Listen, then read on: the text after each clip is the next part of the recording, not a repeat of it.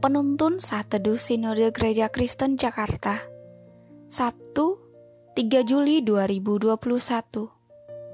Judul Renungan Jadilah Terang. Nats Alkitab terambil di dalam kitab Matius pasal 5 ayat 13 sampai 16 Garam dunia dan terang dunia. Kamu adalah garam dunia. Jika garam itu menjadi tawar, dengan apakah ia diasingkan? Tidak ada lagi gunanya selain dibuang dan diinjak orang. Kamu adalah terang dunia. Kota yang terletak di atas gunung tidak mungkin tersembunyi. Lagi pula, orang tidak menyalakan pelita lalu meletakkannya di bawah gantang, melainkan di atas kaki Dian sehingga menerangi semua orang di dalam rumah itu.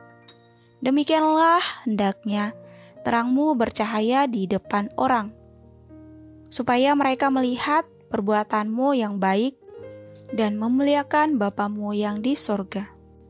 Seorang komposer Kristen bernama Edwin Othello Excel menuliskan lagu Jesus Wants Me for a Sunbeam. Lirik lagunya berbunyi demikian.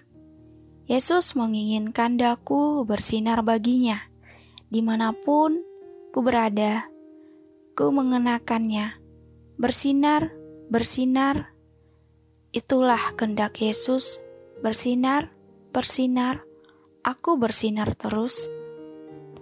Dari lagu ini kita diajak untuk menjadi terang atau memancarkan sinar Kristus di mana pun kita berada. Sebagai murid Kristus, kita diperintahkan untuk memancarkan terangnya. Ayat 16. Karena kita adalah terang dunia. Ayat 14. Berkenan dengan hal tersebut, Yesus memberikan dua gambaran. Pertama, kota yang terletak di atas gunung tidak mungkin tersembunyi. Mengapa? karena cahaya-cahaya lampu kecil di malam hari yang banyak jumlahnya akan terlihat sinarnya dari kejauhan. Kedua, orang tidak menyalakan pelita lalu meletakkan di bawah gantang, melainkan di atas kaki Dian. Mengapa demikian? Karena cahayanya dapat menerangi semua orang yang berada di dalam rumah. Dari hal ini sungguh jelas perintah yang Tuhan berikan kepada kita. Perintah ini menegaskan bahwa kita sebagai murid Kristus harus mewartakan kebenarannya yang kita hidupi terlebih dahulu melalui setiap tindakan kita kepada orang-orang di sekitar kita. Kita belajar untuk mewujudkan perilaku apa pun yang sesuai dengan kebenaran Tuhan. Walau ada tantangan yang akan kita terima karena menyuarakan kebenaran Tuhan. Kita sebagai murid Kristus harus berani untuk menolak segala tindakan yang tidak sesuai dengan kebenaran Tuhan. Maka dari itu, mari jadilah terang. Mungkin terang yang kita pancarkan membuat orang yang dalam gelap akan merasa risih.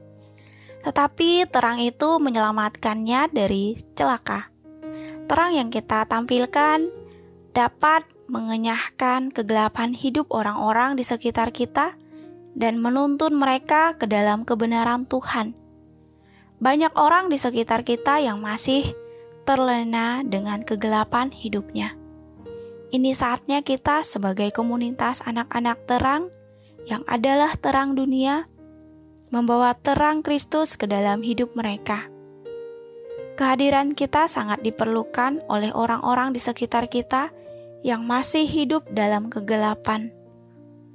Tuhan memakai hidup kita memancarkan terangnya kepada mereka. Teruslah pancarkan terang Kristus, terang yang mengenyahkan kegelapan dan menuntun orang ke dalam kebenaran. Amin. Tuhan Yesus memberkati.